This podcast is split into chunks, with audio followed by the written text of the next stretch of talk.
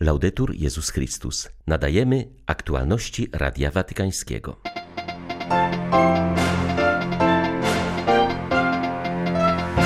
Promieniujcie światłem i nadzieją, zachęcił Franciszek portugalskich ministrantów. Papież podjął dziś decyzję w sprawie przyszłej kanonizacji ale z powodu pandemii nie ustalił jeszcze jej daty. Wśród siedmiu nowych świętych jest m.in. Karol de Foucault. Jasna Góra jest dziś ośrodkiem ogólnoświatowej modlitwy o ustanie pandemii. W odpustowej sumie arcybiskup Stanisław Gondecki przestrzegł przed wypaczonymi formami wolności. 3 maja witają Państwa ksiądz Krzysztof Ołdakowski i Łukasz Sośniak. Zapraszamy na serwis informacyjny. Papież zachęcił portugalskich ministrantów, aby promieniowali światłem i nadzieją, które pochodzą od Boga. Te słowa znajdują się w przesłaniu Franciszka skierowanym do biskupa José Manuela Garcia Cordeiro z okazji 25. Narodowej Pielgrzymki Ministrantów do Sanktuarium w Fatimie. Odbywa się ona pod hasłem Bądź święty, bądź oryginalny. Bierze w niej udział tysiąc ministrantów z całego kraju. Ojciec Święty zwraca uwagę, że nadzieja, którą daje Bóg, nigdy nie zawodzi. Zachęca każdego z ministrantów, aby nie popadali w przeciętność, która pomniejsza i czyni byle jakim. Tymczasem życie nie jest szare. Papież wezwał ministrantów, aby zachowywali się tak, jak przystoi w służbie rzeczy świętych, zauważając, że postawa wewnętrzna i zewnętrzna powinna być zgodna z tym, co każdy robi, zwłaszcza w pobliżu ołtarza, w znaku krzyża, podczas klękania, podczas siedzenia lub uczestniczenia we wspólnej modlitwie i śpiewach. Franciszek zachęcił ministrantów, aby w spotkanie z Jezusem ukrytym pod eucharystycznymi postaciami wkładali cały entuzjazm swojego wieku, aby ofiarowali Jezusowi swoje ręce, myśli i czas. On obdarzy prawdziwą radością i da odczuć, gdzie znajduje się najpełniejsze szczęście.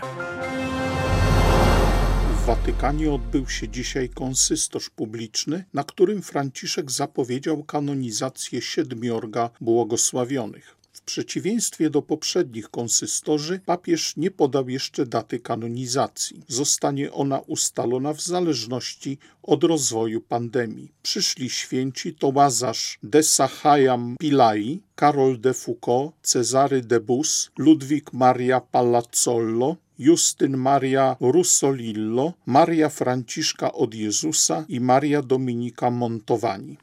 Listę nowych świętych otwiera hinduski męczennik i konwertyta błogosławiony Łazarz. Urodził się w 1712 roku, był synem Bramina, zdobył staranne wykształcenie i rozpoczął dobrze zapowiadającą się karierę wojskową. W wieku 30 lat poznał jednak holenderskiego więźnia, który był katolikiem, a za jego pośrednictwem jezuickiego misjonarza. Pod ich wpływem nawrócił się na chrześcijaństwo i stał się gorliwym ewangelizatorem. Doprowadził do wiary w Chrystusa wiele osób, między innymi własną żonę. Głosił równość wszystkich ludzi, niezależnie od ich kastowej przynależności, czym wzbudził wrogość Braminów. W 1749 roku został uwięziony, doświadczył do dotkliwych tortur i upokorzeń, co nie powstrzymało go od głoszenia Ewangelii.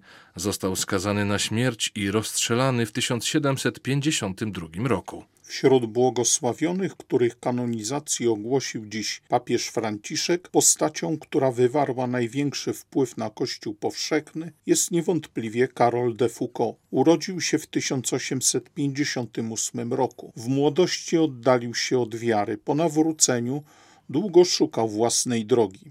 Przez siedem lat był trapistą. Zwolniony ze ślubów udał się do Nazaretu, gdzie żył w samotności, na modlitwie i w wielkim wyrzeczeniu przy klasztorze Klarysek. Tam też, jak mówi biskup Claude Roll, poznał drogę swego życia. Po swym nawróceniu przez 15 lat szukał, w jaki sposób ma naśladować Chrystusa, ale odkrył to dopiero w Nazarecie.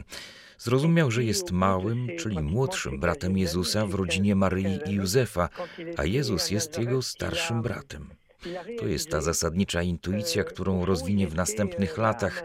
Chciał zanieść to odkrycie do wszystkich braci na całym świecie, do wszystkich braci w człowieczeństwie.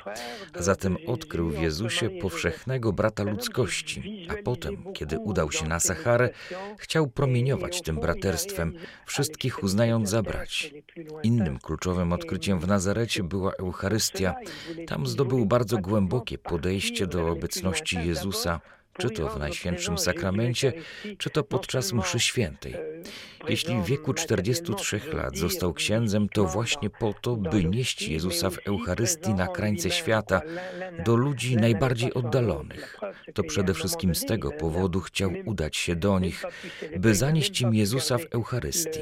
Pragnął, aby On był pośród tego ludu. Karol de Foucault żył na Saharze w Algierii przez 15 lat. Jak podkreśla biskup Claude Roll, wieloletni biskup Alaguat, błogosławiony Karol mylnie jest postrzegany jako pionier dialogu chrześcijańsko-muzułmańskiego. Francuski mistyk słabo znał islam. Kiedy nawiązywał bliskie relacje z mieszkańcami Algierii, nie traktował ich jak muzułmanów, lecz jak braci w człowieczeństwie. Papież Franciszek włączy się do narodowej debaty na temat dzietności we Włoszech, weźmie udział w tzw. Tak stanach generalnych zwołanych na 14 maja przez Forum Stowarzyszeń Rodzinnych i wygłosi przemówienie na rozpoczęcie obrad. Przewidziana jest obecność przedstawicieli rządu, szefa Urzędu Statystycznego, polityków różnych ugrupowań, a także przedstawicieli świata biznesu, sportu i kultury. Jak mówi przewodniczący forum Gigi De Palo, papież od razu przyjął skierowane do niego zaproszenie. Jest bowiem świadomy, w jak trudnym położeniu znalazły się dzisiaj Włochy. Oczekujemy, że papież przedstawi nam swoją opinię, pamiętając, że dzietność nie dotyczy jedynie tych nielicznych dziś osób, które chcą mieć dzieci. Jest to kwestia, która dotyczy również tych, którzy nie chcą mieć dzieci, bo nawet ten, kto podejmuje decyzję, że dzieci mieć nie będzie, musi pamiętać, że jesteśmy jedną ludzką rodziną, że istnieje coś takiego jak solidarność międzypokoleniowa. Jeśli bowiem single nie chce mieć dzieci, a chce zachować godziwy poziom życia, chce mieć emeryturę czy darmową opiekę zdrowotną, to nieuchronnie musi wspierać politykę prorodzinną i starania o wzrost dzietności w naszym kraju. Tymczasem u nas kwestia dzietności stała się przedmiotem ideologicznych sporów. W Mediolanie otwarto pizzerię prowadzoną przez młodzież z autyzmem. Lokal miał wystartować rok temu, jednak uroczysta inauguracja musiała zostać przełożona ze względu na obostrzenia sanitarne. Stała się możliwa dopiero teraz po zbudowaniu zewnętrznego ogródka spełniającego wymogi przepisów antykowidowych. Inicjatywa ma pomóc budować relacje osób autystycznych z otoczeniem i jednocześnie zapewnić im pracę. Dla dziewięciu młodych ludzi cierpiących na autyzm 1 maja był prawdziwym świętem pracy. Tego dnia oficjalnie podpisali swoje umowy. W tych tak trudnych dla gastronomii czasach nasze otwarcie tak pełne radości i entuzjazmu to znak nadziei dla wszystkich, powiedział Nico Acampora, założyciel organizacji non-profit, która prowadzi pizzerię, a zarazem ojciec autystycznego dziecka. Na inaugurację lokalu przybył burmistrz miasta oraz przewodnicząca Senatu, której została zadedykowana nowa pizza z mortadelą, ziarnami pistacji, białym serem z kamorca i cytryną. Ten przepis powstał w czasie pandemii, chłopcy nie poddawali się, swoim food truckiem przemierzali ulice miasta nie tylko sprzedając pizzę, ale także dzięki tej pracy budując swoje relacje z innymi, powiedział Nicola Campora. Wiosna nie poprawiła sytuacji uchodźców, którzy szukają schronienia na Bałkanach, poinformował ksiądz Stanko Perica, dyrektor jezuickiej służby uchodźcom dla Europy Południowo-Wschodniej. Podkreśla, że błąkającym się po lasach i opuszczonych budynkach ludziom nie grozi już co prawda zamarznięcie, ale ich zwiększająca się liczba nadal rodzi widmo katastrofy humanitarnej. Obozy na granicy z Chorwacją są przepełnione i panują w nich fatalne warunki. Pomimo tego rząd nie decyduje się na budowę nowych obozów, a miejscowa ludność domaga się likwidacji tych, które już są. Sytuację dramatycznie pogorszył pożar obozu w Lipie, po którym kilkuset migrantów pozostało bez dachu nad głową. Dziś liczba osób pozostających bez zakwaterowania zwiększyła się do prawie dwóch tysięcy. Jezuicka służba uchodźcom dostarcza im żywność, wodę, ubrania i leki oraz suplementy wzmacniające odporność. Ładujemy ich telefony komórkowe, rozdajemy powerbanki i panele słoneczne, aby mieli w nocy światło. Mamy kilkunastu wolontariuszy, którzy mówią w ich języku. To od nich wiemy, czego potrzebują i staramy się ulżyć ich cierpieniom, powiedział w rozmowie z Radiem Watykańskim ksiądz Stanko Perica. Z nadejściem wiosny sytuacja staje się coraz bardziej dramatyczna. Już teraz obozy dla uchodźców są przepełnione. Rośnie liczba uchodźców, którzy żyją poza obozami w jeszcze gorszych warunkach, w lesie lub w pustostanach. Bośnia zabrania niesienia pomocy humanitarnej migrantom znajdującym się poza obozami, chcąc w ten sposób zmusić ich do zamieszkania na ich terenie. Otrzymuje wiele zdjęć dzieci w strasznym stanie zdrowotnym. Granica z Chorwacją jest zamknięta, ale niektórym udaje się ją sforsować po wielu próbach. Przez takie próby rozbitych jest wiele rodzin. Kobiety uciekają same z dziećmi, aby mieć większą szansę na pokonanie granicy, a mężowie zostają w Bośni. Są kobiety, którym udało się przekroczyć granicę po siedmiu miesiącach codziennych prób.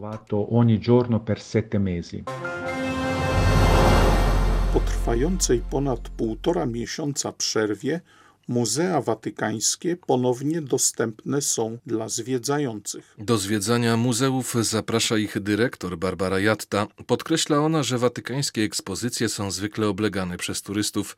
Teraz można w spokoju i bez pośpiechu podziwiać największe arcydzieła światowej sztuki.